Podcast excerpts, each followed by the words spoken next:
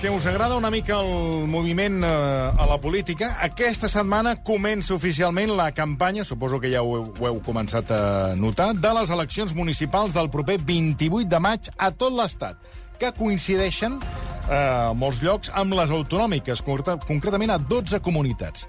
El tret de sortida serà la mitjanit de dijous a divendres, però la maquinària està ja eh, podríem dir que engegada de fa dies amb actes de precampanya, sobretot els caps de setmana on ens fem un far de veure el eh, Ramon Pellicer i la Cristina doncs, ja seguint tots els actes de precampanya dels diferents candidats, alguns amb més gent, d'altres amb, menys, amb poca gent, vull dir que depèn de l'hora que ho fan.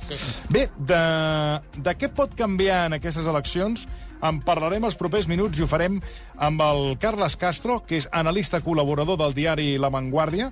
Uh, Carles Castro, bona tarda. Hola, bona tarda. I amb el Josep Maria Martí Rigau. Josep Maria Martí Rigau, bona tarda. Què tal? Bona tarda. Que deixi'm, deixeu-me explicar, sigueu benvinguts, que el primer que, que, que m'ha dit només arribar ha, estat parlar de Sálvame, que m'ha deixat, Hombre, vostè claro. una mica, m'ha deixat una mica descol·locat. És que el eh, Madrid- perquè em deia que aquí hi ha, a banda del programa, hi ha un component polític al voltant de d'aquest canvi de programa. Això em diuen a Madrid, eh, que aquests dies he parlat amb gent d'allà qualificada, allò, fuentes ben informades. Sí, sí, no, no, però com que vostè sempre està ben informat, per això li Sí, preguntava. Bueno, no, intentem.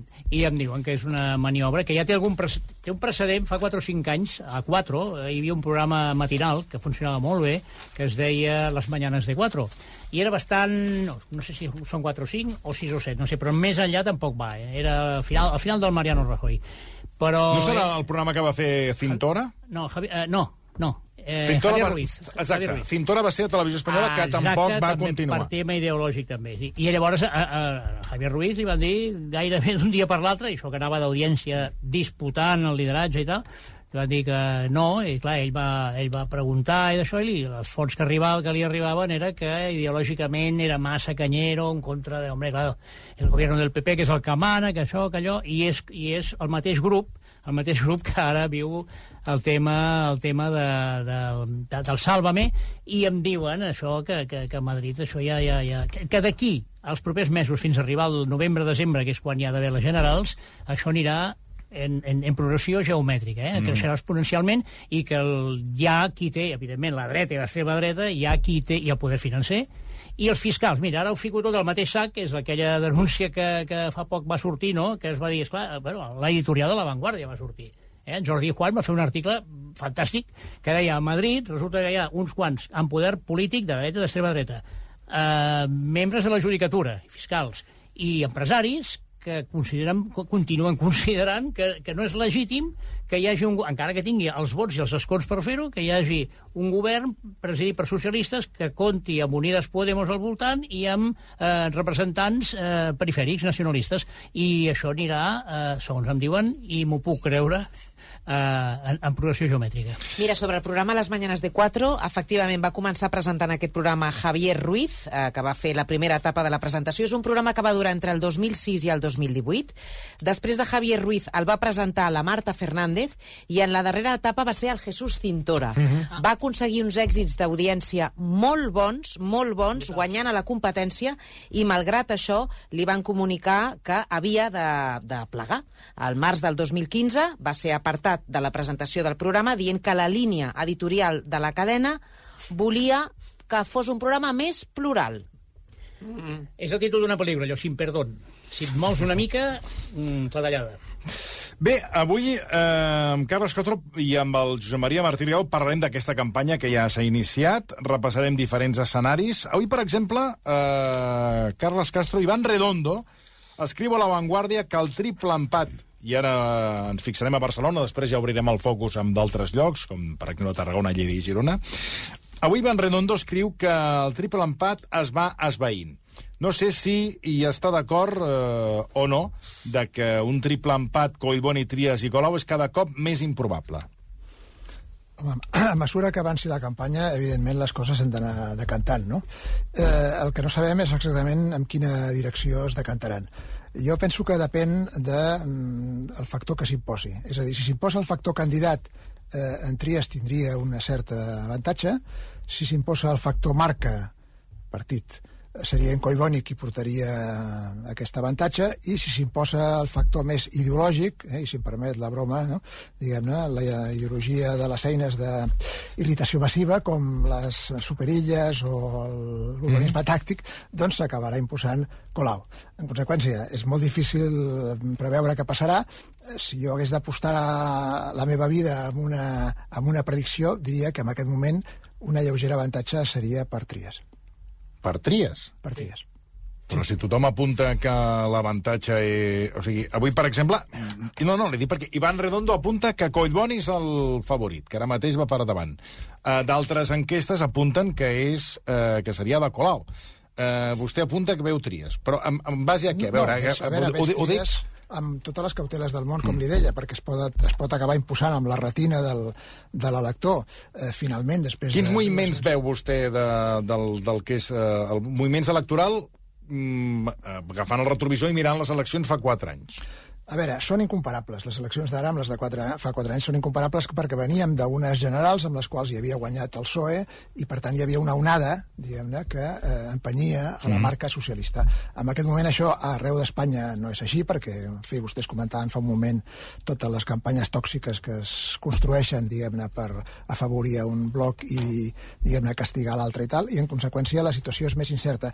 A Catalunya, en canvi, eh, aquesta situació és diferent perquè la marca socialista té, diguem-ne, encara un, un cert pedigrí, no?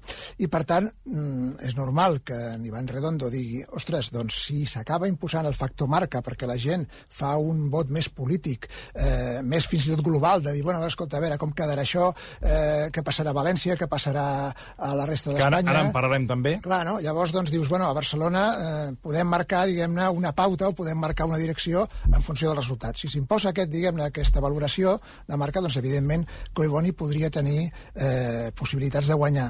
Per què dic lo d'en Trias? Que, atenció, també és cert que en Trias va mm, arrencar molt fort, com a novetat, entre cometes, perquè estem parlant d'un mhm. -huh. exalcalde de fa 8 anys i tal, no? i amb un factor, com, diguem-ne, que juga amb la seva contra, que és el factor edat, com li passa al Joe Biden als Estats Units i tal, no? però és cert que en Trias va començar molt fort com a candidat i després ha anat afluixant, i per això es parla d'aquest triple emplat amb el que s'havia arribat fa poc. Eh, com afectarà la campanya? Clar, aquí llavors sí que compta molt com es desenvolupin cada candidat i com jugui cada candidat als seus actius. I això sí que és una incògnita. Aquí el que sí que, evidentment, pel que està clar, eh, sigui Collboni, sigui Ernest Maragall, que tot i que no surt, la, no surt la, la, la capçalera no de cap enquesta, no? No, perquè l'Ernest Maragall hem de pensar que ell viu d'un vot que està, eh, que és el bon nacionalista, independentista, que està, diguem-ne, en una, una situació crítica de divisió, caïnita i tal, no? I aleshores, eh, d'alguna manera, és una capsa tancada, és a dir, el que guanya un ho perd l'altre, per tant, el que guanya en Tries ho perd en Maragall, i de la mateixa manera que quan Maragall va treure un resultat, mm, uh mhm. -huh. va guanyar... Sí, sí, va, eh, fa, va guanyar les eleccions fa municipals. Anys, no, per, per 4.000 vots, però va guanyar. Eh, doncs va guanyar i va obtenir un resultat que Esquerra mai no havia obtingut, però també va ser a expenses d'un resultat de Junts, antiga Convergència, eh, o diguem mm. una, una derivació de l'antiga Convergència, que va ser un resultat desastrós. Per tant, si ara eh, puja el que és, diguem-ne, l'espai més eh, convergent, és normal que baixi l'espai d'esquerra. Mm. I ara li pregunto al Josep Maria Martí Rigau. Clar, per governar, el que dèiem, ja ara mateix les, està, està, hi ha tres partits, eh, tres eh, tres representants de partits que estan molt igualats, com dèiem, eh, el Ada Colau, Collboni i Xavier Trias. Clar, aquí caldrà teixir aliances però mo, o sigui, a la que mous una mica el, el cub Rubik de, de les aliances, crec que eh, està allò que dic, com deia Michael Robinson en Pau Descanse, tot el pescado vendido. Mira, eh, tal com s'alvira, o com em sembla a mi veure, no? el Carles segurament... Ho dic, perdona, eh? Ho dic, pels oients diran, i per què ho dius? Home, perquè Collboni ja ha manifestat que ell no vol pactar amb cap partit independentista. Bé, miri, Manuel Valls va dir que no faria alcaldessa Colau, també, també Colau va dir que només faria dues, dues legislatures. Aquí, també és veritat. Les paraules els aporta el vent. També és veritat. Jo, amb, també ah. Ada Colau va dir que no acceptaria els vots de Manel Valls, bé que els va acceptar. Sí, sí. Amb això li dono tota la raó, ah, que en el món de la política el que es diu un dia una ja cosa... Ja governen el PSC i Junts. Exacte. No s'oblidem, eh, no, no, petit detall. Aleshores, amb, amb, per res, per, per sí, acabar, sí. que va lligat amb això, pel que dèiem abans, jo també considero que en Tries en aquests moments s'ha d'anar una mica abans. Per, I amb què em baso? Em penso que a totes les enquestes que ja fa temps que s'estan fent, i a les darreres també, hi ha una majoria, però una majoria del 70%, de gent que expressa cansament amb, amb l'equip municipal actual. Clar, aleshores, eh, Collboni ha estat en l'equip municipal actual també, no? Llavors, una final Colau-Collboni a mi em costa de veure, em costa molt de veure. Aleshores, la campanya va començar que semblava que era un mano a mano entre Ada Colau i Trias. A els dos els hi anava bé. De, de fet, van, van començar els dos que ja els hi anava bé. Bueno, no? van I- començar que van anar a dinar. Exacte. Mm. No, no, oi, I en vam treure rei d'aquelles històries, de- d'aquelles imatges. Uh, després uh, és uh, Collboni qui puja amb el Trias. Eh? Veiem que el Trias hi és sempre. I ara, del, tri- i ara de, de tres candidats, però en Trias hi és sempre. Bueno, si en Trias hi és sempre, i crec que ell ara encara accelerarà més o augmentarà més aquesta, aquest missatge de dir, escolti, Collboni eh, li ha donat suport eh, a Ada Colau. Eh, és evident que Ernest Maragall ha perdut, ha perdut punys, ha perdut punys, però no només per l'edat, perquè és que el que s'està desgastant moltíssim és l'Esquerra Republicana governant només amb 33 diputats sense fer un pacte fora al Parlament. I, i, i esclar, i llavors, bueno, i, i per no parlar del PSC, que és marca, evidentment, Carles Castro ho deia, i, i és veritat, però, clar, en aquests moments poden ser molt castigats pel tema que avui era objecte del programa, del, de l'escàndol aquest i el caos de Rodalies una, una vegada més, no? Aleshores, jo la veritat és que, és que en fi, no, no, no ho veig Però, tan clar, això. ah, Ara sí que, sí que, sí que la, a la pregunta, en realitat, m'he enrotllat una mica, la pregunta, eh, caldran més? Home, esclar, sí, però jo crec que... No, la pregunta és, quines sí. aliances Sí. poden fer quan Collboni ha dit que ell no pactarà, Miri. tot i que a les paraules, sobretot a la política, se les emporta el vent. Ell ha dit que no pactarà amb cap partit independentista. Jo vaig venir l'última setmana del mes de gener aquí, Sí. i vam parlar d'aquest tema, i vaig dir una cosa que al final em va dir oh, el, el Martí ara ha dit una cosa, ho tindrem present. Doncs jo encara ho mantinc. Jo veig una, una sociovergència, sincerament. Una sociovergència. I no ha de ser tan difícil Eh, escolti, no, no, em, em miren així, però escolta, és que No, la no, és Diputació que de Barcelona veig- porta 4 anys amb sociovergència Sí, i ha sí. funcionat, ha funcionat eh, raonablement. Jo veig sociovergència, sincerament, eh, i, sí, sí, ho veig així. I, Ah, i qui d'alcalde? Bueno, o, o tries o Collboni, jo crec que tria, sincerament. Tal com van les coses ara. Ah, Però poden passar moltes coses, perquè, esclar... Vol dir, jo- perdoni, vol dir que al PSC Sí. li interessa més pactar amb, amb Trias que amb, per exemple, Colau, amb Ada Colau o Ernest Maragall? És que no sumarien, segurament. Si, si calen tres, miri, si calen tres, l'única frontissa, o sigui, l'únic comodí que hi ha és el PP, és Daniel Cerera. És l'únic, perquè... Daniel Cirera també va dir que no Sí, ja, ja. pactaria eh, amb cap formació independentista. Aleshores, aquí, aquí farà l'alcaldessa? Ada Colau, que no és independentista. O Collboni. Ah, és, que, és que, atenció, perquè ve més mambo Que- després que, que durant, abans A- Ara que apuntava Daniel Cirera, després anirem amb altres poblacions, eh, quin paper pot tenir el PP en aquestes eleccions? A veure, Perquè, clar, no estem parlant ni de la CUP ni de Vox, que no sé si apareixen a les enquestes o no. Eh, De moment sembla que amb moltes dificultats, però ja és el que hi ha el llindar del 3%, si no arribes al 3%, doncs ni que triguis eh, 30.000 vots, et quedes fora del repartiment dels regidors, no?, i per tant no existeixes. I crec que les enquestes els estan donant, els estan donant diguem-ne, una situació que estan amb aquest llindar i no acaben de treure el cap.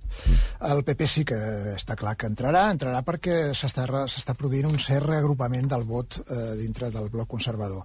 És a dir, les eleccions del 2019 van ser les pitjors eleccions des del punt de vista de divisió, no de desplegament, eh? des del punt de vista de divisió de la dreta van ser les pitjors eleccions de la història, perquè tres, tres partits, i això els hi va fer perdre molts eh, llocs, perquè la divisió del vot amb el nostre sistema electoral doncs, penalitza molt. No?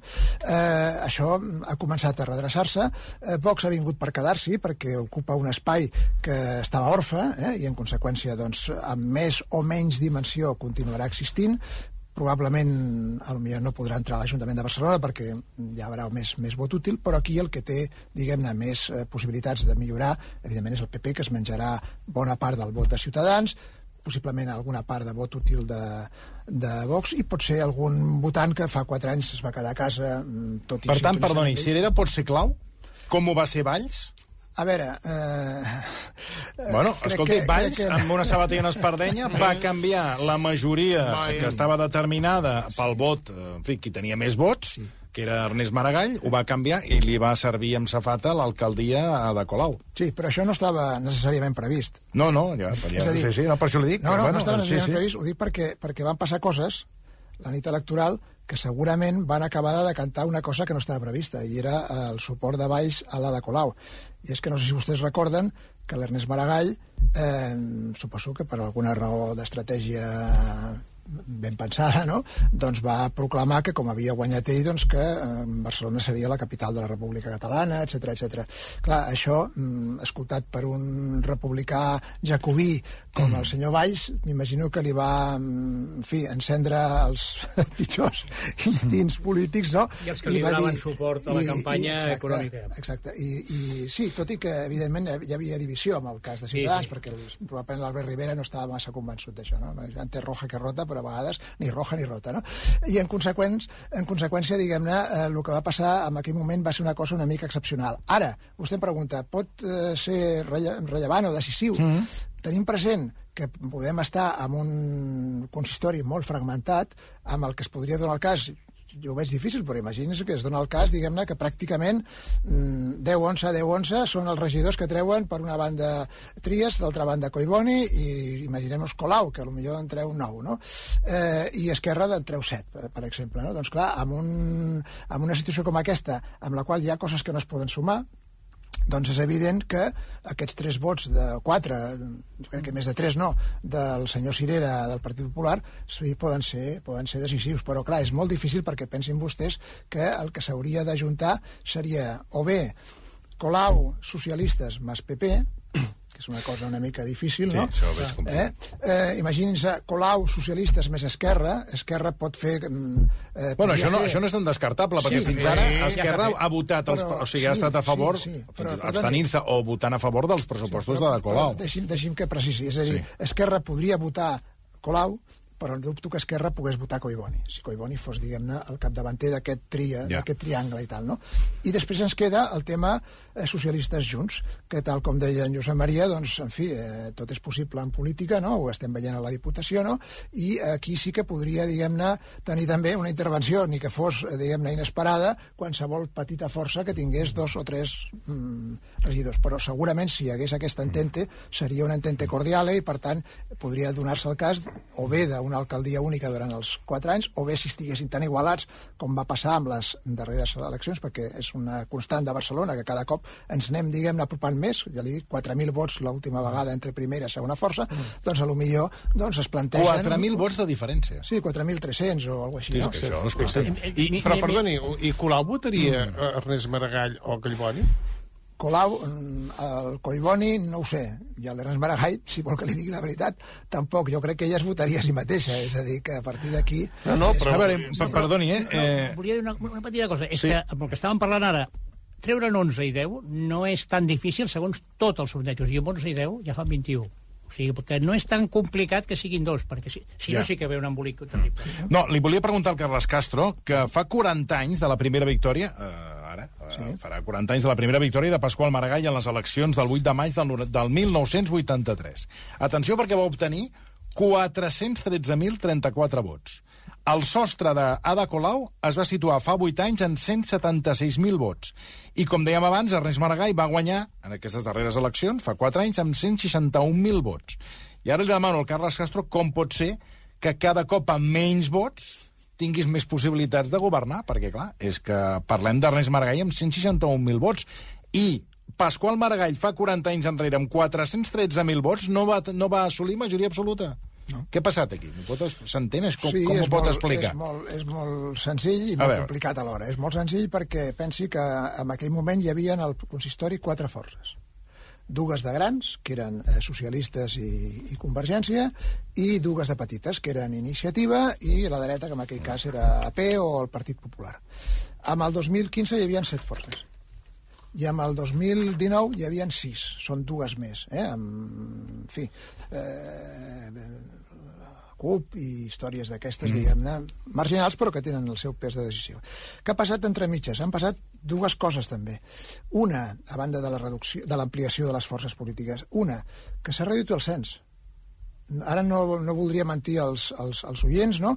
però potser Barcelona ha perdut, em diré una quantitat, eh? però igual hem perdut 200 o 300.000 electors. És a dir, Barcelona ha mm, decrescut. No? I després, evidentment, si parlem de sis forces, tot i que, diguem-ne, només hi hagin de dues petites, però quatre que són molt semblants, és normal que aquells resultats eh, extraordinaris. D'en Pasqual Maragall eh, que va ser dos cops, el 83 i el 87, diguem-ne, no? doncs no es puguin repartir perquè el vot està molt més repartit. És a dir, l'electorat s'ha fragmentat, la gent vota per sensibilitats molt diverses, animalismes, la cacera, els taxis, no sé què, tal i qual, no? I en conseqüència doncs, tenim, diguem-ne, un mapa molt, molt fragmentat. Jo votaria la cacera. Eh, era, una altra, era una altra època, també. Pensin que, que eh, era un país que tenia els, el, els seus defectes no? i els seus vicis, però també tenia les seves virtuts, no? i que era un país molt previsible. Eh, en Maragall treia 400.000 vots a Barcelona al 83 i en Pujol treia 400.000 vots a Barcelona al 84. Carai. No, i, i, I hi ha un detall eh, que em sembla a mi que és rellevant, que per, per què s'ha fragmentat tant? Perquè ara s'està corregint, trobo jo, però eh, van passar del, de l'eix dreta-esquerra de debat, centre-dreta, centre-esquerra, més dreta, més esquerra. I eren els quatre que acaba el Carles Castro de dir. Van passar un debat des, que no ha desaparegut mai, dreta contra esquerra, afegit a independentisme, no independentisme, i afegit a un tercer encara, que aquest s'està corregint, que és eh, sistema o antisistema. Això ha conviscut al Parlament de Catalunya i en les municipals. Esclar, això ha obligat, bueno, ha obligat, ha fet que es, es fragmentés una barbaritat. Jo crec que això s'està corregint. Però jo crec que això, no sé com ho veus tu, però jo crec que això explica per què s'ha fragmentat tant, perquè és que no, no, no hi ha precedents amb això a altres llocs.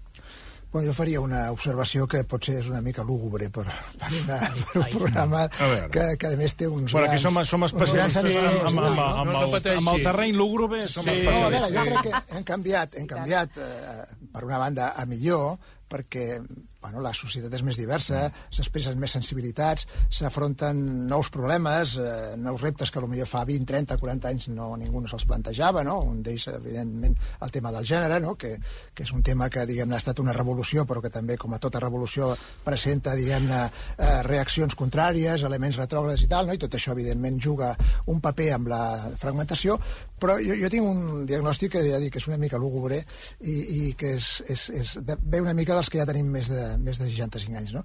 I és que, afortunadament, eh, eh, hem perdut la por. Hem perdut la por. Eh, després de la Segona Guerra Mundial, després del que s'havia viscut, la gent votava sobre segur. És a dir, un gran partit de centre-dreta, democristians, eh, conservadors a Gran Bretanya, liberals, allà on els liberals tenien aquest monopoli, socialdemòcrates. Per què? Perquè havíem vist el que passava quan votaves coses, diguem-ne, una mica imprevisibles, que podien ser molt, aparentment, molt efervescents, molt atractives per el curt termini i tal, però que després, com no sabies el que hi havia enrere, doncs sortien monstres com, com havien sortit. Això doncs, s'ha quedat amb l'oblit, no? I ara eh, hem perdut aquesta por, no? Mm, No sembla que passin coses d'aquestes, no? Però de, de moment sabem que fruit d'aquesta pèrdua de por, a Itàlia estan governant els nets del Mussolini, no? A França no sabem què pot passar si, si guanya la Le Pen i tal, no?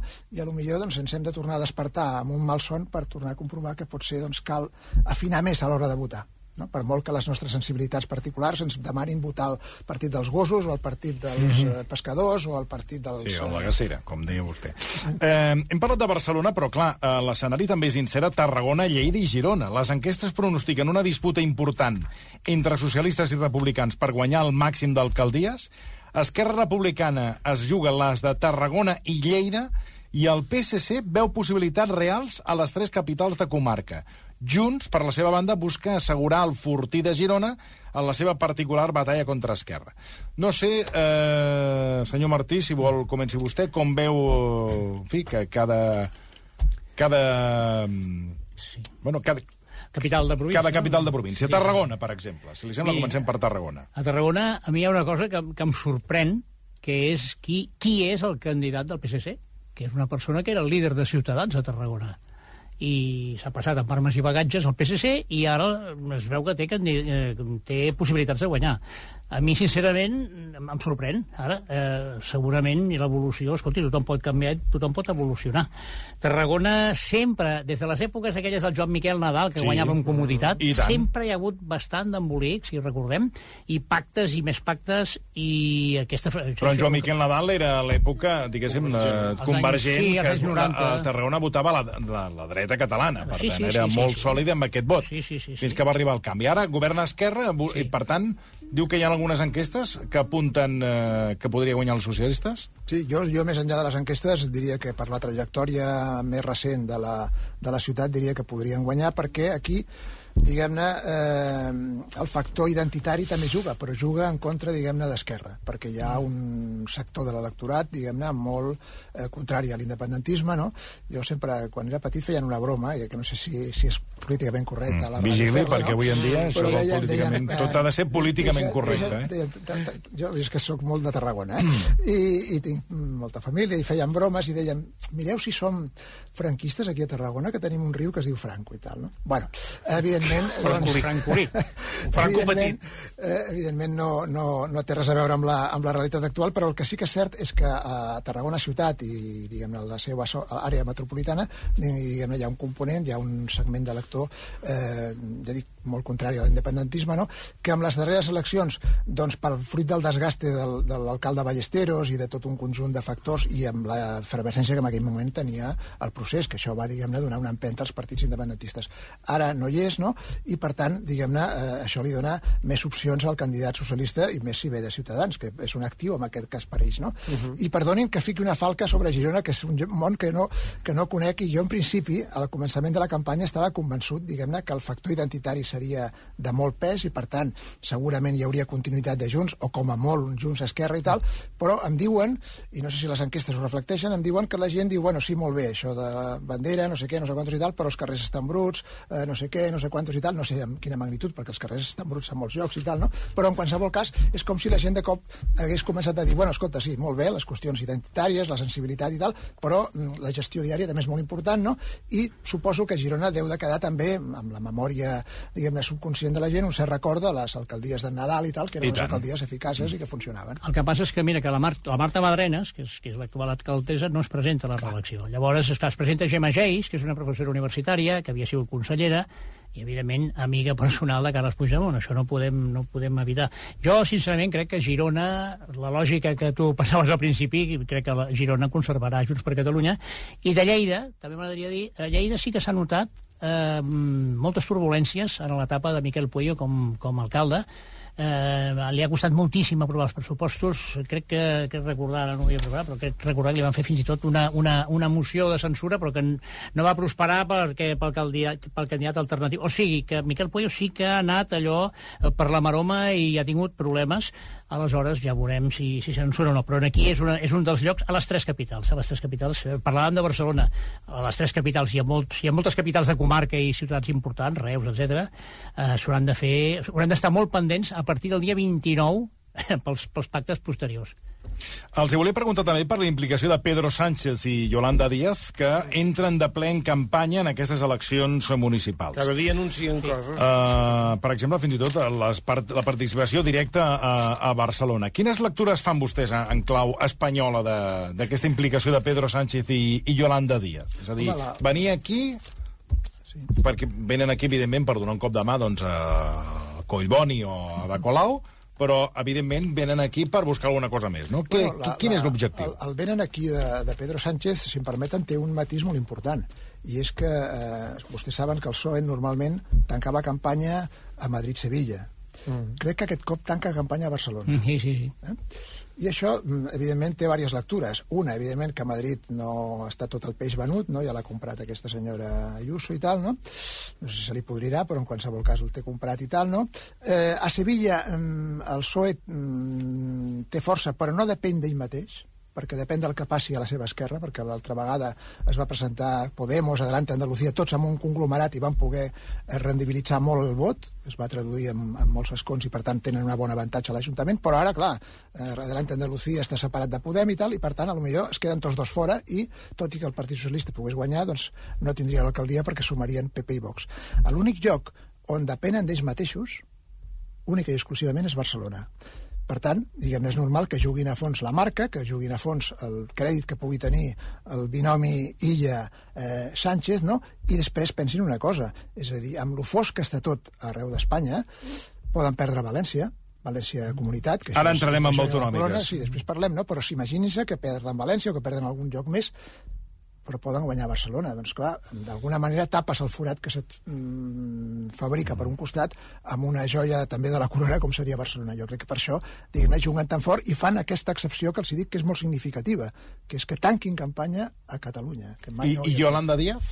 Yolanda Díaz, ella, doncs, lògicament, no pot desaprofitar una campanya com aquesta per consolidar la seva presència com a gran eh, alma mater, eh, mater amantíssima de tota aquesta, diguem-ne, mm, desagregació d'aquesta, diguem-ne, dispersió que pateix la anomenada esquerra alternativa o nova política i tal, no? que els hi costa molt posar-se d'acord, moltes vegades per autèntiques bajanades eh, filosòfiques i tal, no? Allò, i que, d'alguna manera, si ella ha de, ha de jugar aquest paper homogenitzador, doncs ha de jugar-lo ja, i si s'hi fixa en ella, està participant en mítings de forces que competeixen entre elles, però que, en teoria, amb el projecte final de Sumar, han d'anar juntes. Josep Maria. Miri, uh, Pedro Sánchez, totalment d'acord amb el que deia el Carles Castro, es pot quedar amb una ciutat important que guanyi el, PC, el Partit Socialista, i és Barcelona i és Collboni, perquè ja tenen descomptat a la Moncloa i a, i a Madrid i al PSOE el, que, que, que perdran ciutats capitals de província, ciutats importants d'Espanya, les, les perdran majoritàriament.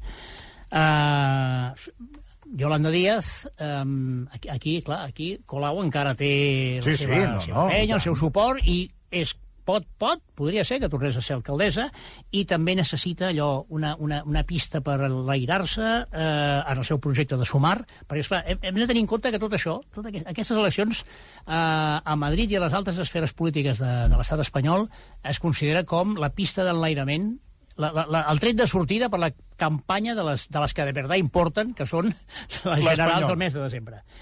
I Sumar necessita, o sigui, Yolanda Díaz, eh, nuestra alcaldessa aquí a la, a la ciutat més important, Barcelona, perquè Madrid ja, la, evidentment, la donen per perduda. I atenció, Feijo també vindrà per aquí. Per aquí vindran tots els líders moltes vegades com mai havien vingut. I per què vindrà Feijo? Doncs perquè necessita, fixa, fi- fixi's eh, a, a quines coses arribem, que Sirena entri a l'Ajuntament i que millori resultats i si pot condicionar l'alcalde, també. Per què? Perquè el PP tindrà moltes victòries a ciutats mitjanes i petites i tindrà una, una victòria que arrasarà a Madrid, Comunitat Autònoma, i a Madrid, Ajuntament. Però és que aquestes dues victòries no les capitalitzarà Feijó. Les, que, les capitalitzarà qui, qui sabem, Isabel Díaz Ayuso.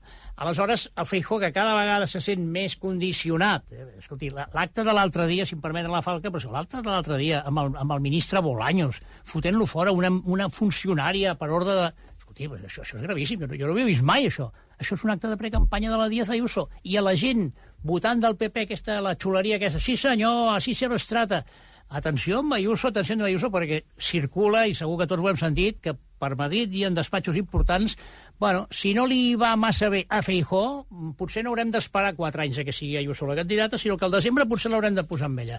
Llavors el Feijó necessita que en aquí, que, que, que no, no s'enfonsi com va fer amb Bou a les anteriors eleccions del PP i que Daniel Cera millori, millori, si en tenia dos que en tregui quatre i si pot condicionar l'alcalde encara millor. És un triomf a una ciutat important que necessita Feijó perquè veu que se li està enfonsant la, la parada. Aquesta especulació de Díaz Ayuso cada cop corre més, no? Aquesta, que sí. suposo que el partit també deu valorar enquestes i deu veure que Ayuso té molt més, molta més tirada que no eh, Feijó. El 28 de maig, com deia, no només hi ha eleccions municipals, sinó també hi ha eleccions autonòmiques eh, Aragó, Astúries, Baleares, Balears, perdó, Canàries, Cantàbria, Castella-La Manxa, el País Valencià, Extremadura, Madrid, Múrcia, Navarra i La Rioja. No hi ha eleccions Catalunya, Andalusia, Galícia i el País Basc. El Carles eh, Castro la setmana passada escrivia a La Vanguardia que a l'Espanya actual mai ha estat tan roja com el 83 ni tan blava com el 2011. Eh, per tant, amb, amb quin quadre, què, quin, què serà el més canviant que veurem en aquestes properes eleccions? Per exemple, el que ha estat fins ara un pal de paller com és la comunitat valenciana eh, continuarà en mans del Partit Socialista, en mans de l'esquerra, o pot haver-hi un canvi? És a dir, veurem més canvis dels que ens creiem? A veure, la comunitat Aragó, valenciana... per exemple, Sí. tot i que el nostre amic l'envan, Ara- Aragó és un lloc molt complicat. És, és, eh, és una petita Espanya, de vegades. per això, per Sí, això li sí, dic sí. que diuen que depèn com surt la, Sí, sí, com Aragó. surten les eleccions d'Aragó, Sí. que al cap d'uns mesos seran, és com, serà el resultat Sí. de- d'Espanya. Per Als tant, què, què, passa, què, què passarà a el, el Aragó? que passa és que Aragó, eh, les enquestes, i aquí sí que hi ha coincidència, i per tant ens en podem refiar, perquè quan les enquestes coincideixen totes, doncs llavors ja li pots donar un cert crèdit i tal. Aragó no hi ha majoria Vox-PP. I ara, a més, hi ha uns partits eh, exòtics, com Aragón Existe i tota la, diguem-ne, la mm, galàxia regionalista, la Junta. el PAR, etc etc. no? diguem-ne que bueno, contribueixen a fragmentar a l'univers polític no? d'allà. I, per tant, en conseqüència, eh, o PP i Vox sumen o realment no, no governaran, i seria el mateix que passaria aquí a Espanya. No sé si governaria algú, però en qualsevol cas ells no governarien. Que aquí, ja permeti'm mm, que afegeixi una altra cosa abans d'entrar en matèria de dir què pot canviar a nivell autonòmic. Eh, Se'n parla molt de que aquestes eleccions doncs, poden determinar molt el del desembre, segurament el Feijó s'hi juga una mica la vida amb això, no? i la Ayuso està allà amb, la, amb el ganivet al, a la boca i tal, no? però, eh, a veure, l'experiència històrica ens demostra que, eh, malgrat, malgrat tot, eh, les eleccions autonòmiques i municipals no determinen el que passarà a les generals. És a dir, hi ha hagut eleccions autonòmiques i municipals que ha guanyat el PP de carrer i després a les generals s'ha empatat amb el PSOE. Hi ha hagut eleccions autonòmiques i municipals que ha guanyat el PP i després ha guanyat el PSOE, eh? i viceversa. És a dir, no tenen, diguem-ne, un, eh, una capacitat o un valor, diguem-ne, de predicció. Eh? Eh, fins i tot tenen un valor per si mateixes, per lo que representa doncs, que un tingui València o que l'altre tingui Andalusia, no? Però, eh, diguem-ne, des del punt de vista de lo que és la projecció de les generals, no té res a veure. Eh? És a dir, la gent funciona amb una altra dinàmica i amb un altre xip mental. I, ja tornant al tema Aragó, jo crec que ha quedat clar que és un món molt complicat. Això em vol dir, perdoni, si diu que no suma Vox i BP, com que es fa aquesta relació de que Aragó és el... Ara no recordo. Ohio. Ohio. Ohio, Ohio. exacte. Gràcies, senyor Exacte, Sant- americà, sí. Ohio, eh, el nostre Ohio. Sí. Eh, això vol dir que el Pedro Sánchez tornarà a sumar amb Podemos o amb Sumar? A veure... Eh, Perquè, clar, si, sí. si, si l'Ohio espanyol és Aragó i Aragó diu que guanyarà l'esquerra, No, no, guanyarà l'esquerra. No, guanya- no, no, lo, lo, lo curiós del tema Bueno, és diu que... que no suma PP. No suma PP Vox. Clar, eh, això Però no l'esquerra que- tampoc guanya. No, tampoc guanya, evidentment. Aquí intervé l'Aragon Existe, el PAR, És que el la PAR no és Junta... d'esquerres, esquerres, Exacte, tampoc. no, no, el que Junta passa és que sí. el PAR és Vol dir que s'haurà de veure què pacta en Aragó. A veure, no, el que s'haurà de veure és què passa a Aragó des del punt de vista de la correlació per intentar imaginar-nos, que després Mm. el pot ser molt diferent, eh? perquè clar, aquí quan, quan juguem amb Espanya juguem amb, amb perifèries que no són només regionalistes, sinó que són nacionalistes, que tenen unes altres, diguem-ne, dinàmiques i tal. Però en qualsevol cas, quin és el, quin és el tema que, que, que, ens, que es pot desprendre d'Aragó i que és molt decisiu? Que no guanyi ningú. És a dir, eh, que Aragó la cosa funciona perquè el parc, que és de dretes, fa costat al Lamban, que teoria és d'esquerres, però que des del punt de vista territorial podríem posar-ho entre cometes, no? sí. I amb el cas espanyol, què, passaria, què pot passar? Doncs que mm, Vox i PP no sumin, es quedin a prop, millor, eh? Pensi que Ciutadans i PP el, el, el 2015 i quan es va produir la moció de censura sumaven 169 escons, eh? Estaven a 7 de la majoria absoluta. Vale? Pot tornar a passar el mateix amb Vox i PP a 7 de la majoria absoluta. Mm, per molt que intentin sumar amb coalicions canàries i no sé quantes coses més, no hi arriben. Però és que per l'altra banda, imagini's vostè un PSOE-Podem que sumin 140, 145 escons, 30 fins al 176 de la majoria absoluta. I aquí has de juntar Junts, Regionalista, no sé què, no sé quantos i tal. Exacte. Per tant, sí. ens podem trobar amb un panorama eh, gairebé eh, ingovernable. No? O sigui, es pot repetir el que veurem. Pot passar a Aragó a Espanya. Exactament. Amb una, amb, una, amb una notable diferència, sí. perquè Pedro Sánchez sí que va guanyar les últimes eleccions. Sí. I es pot donar, i tot apunta en aquests moments, perquè va passar moltes coses encara en mig any per davant, però pot ser que guanyi. Llavors serà una atmosfera irrespirable. Que guanyi el PP, vot, sí. que juntament amb Vox estiguin a prop de la majoria absoluta i que al final hi hagi el, el que diran el pacte de los perdedores con los etarras i tal. I que governin eh, PSOE, PP i Sumar i, les, i, el, i els partits independentistes i nacionalistes. Eh, PSOE, Podem i Sumar. Això pot passar, eh? Això, podeu sumar, exacte. Això pot passar perfectament i, i no, no le arriendo la ganancia, que diuen per Madrid. Eh? Escolti, li, com- li pregunto per la comunitat valenciana. La comunitat valenciana és una comunitat que, mm, més enllà de les enquestes que estan donant 49, 51, 59, 49, eh, perquè és diguem, el llindar de la majoria absoluta, és una comunitat que, a diferència d'altres que són estàtiques, és una comunitat que sempre ha estat oberta Bueno, clar, perquè canvi. De Rita Barberà hem passat a Ximo Puig i ara... Sí, i ara podria, podria produir-se. Mm, o sigui, pot, pot, pot haver-hi una, altra, una nova alternància que el PP... pot haver una altra alternança per, per, una, per un parell de raons.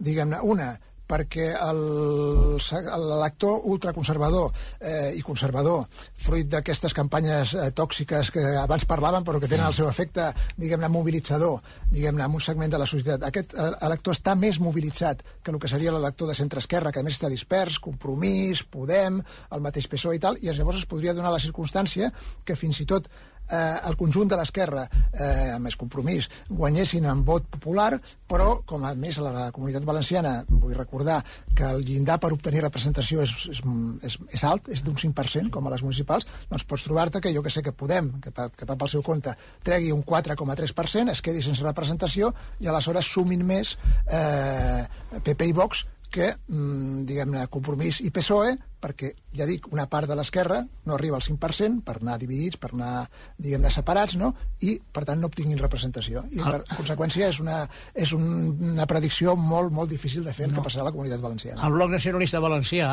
es va estar diverses eleccions Sí.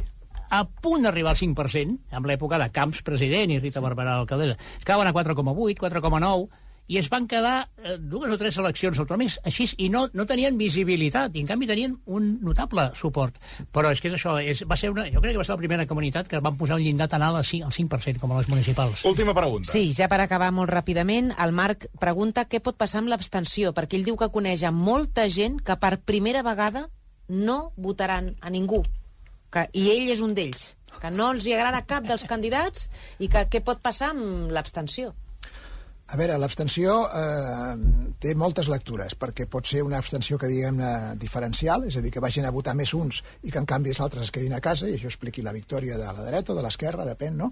Però en el cas de Barcelona jo els diria que més enllà de la, del resultat absolut, que pot ser més espectacular i més legitimador si treus 400.000 vots en lloc de treure 160.000, amb el cas de Barcelona l'abstenció no sembla que tingui un paper mm, fonamental ni decisiu, perquè tenim resultats de tots els colors i de tota mena amb, mm, diguem-ne, nivells d'abstenció molt diferents. Eh? Fins i tot els diria que els 400.000 vots de Pasqual Maragall del 83 van ser amb un nivell de participació que el 87 potser segurament va baixar i va tornar a pujar, eh, per exemple, amb la, amb, la, amb la confrontació Miquel Roca, Pasqual Maragall del 95, va baixar al 99 i al 99 els hi recordo que els socialistes van obtenir 20 regidors, és a dir, a un de la majoria absoluta. Per tant, la participació, sincerament, no té, en principi, eh, una lectura decisiva determinant pel que fa al resultat. Doncs escolti, eh, hem aprofitat del temps, hem parlat de, de, fi, de moltes coses, de moltes localitats, de molts llocs. Eh, el 29, i em permetran, els, els, ja els convoco, ja els convido a que ens acompanyin eh, a veure, a veure com, ha anat, com han anat aquestes eleccions, i quines sorpreses es generaran, que segur n'hi hauran. I, I una vegada més, moltíssimes, moltíssimes gràcies per acompanyar-nos. Eh, Encantat. Josep Maria Martí Rigau, moltíssimes gràcies. Moltes gràcies a I tu. també moltes gràcies al Carles Castro, analista col·laborador del diari La Vanguardia. Un plaer, com sempre. Com sempre, sí. Ara tornem. 3 minuts eh, i després a les 6, avui amb nosaltres, després de la coronació... Mm. Que si vostè la... Eh, dic, després de la coronació de, de Carles eh, III sí. ens ve explicarà... el- el príncep? No, ve Ramon Gené amb corona. Ramon Gené amb corona. Potser coronarem a Ramon Gené.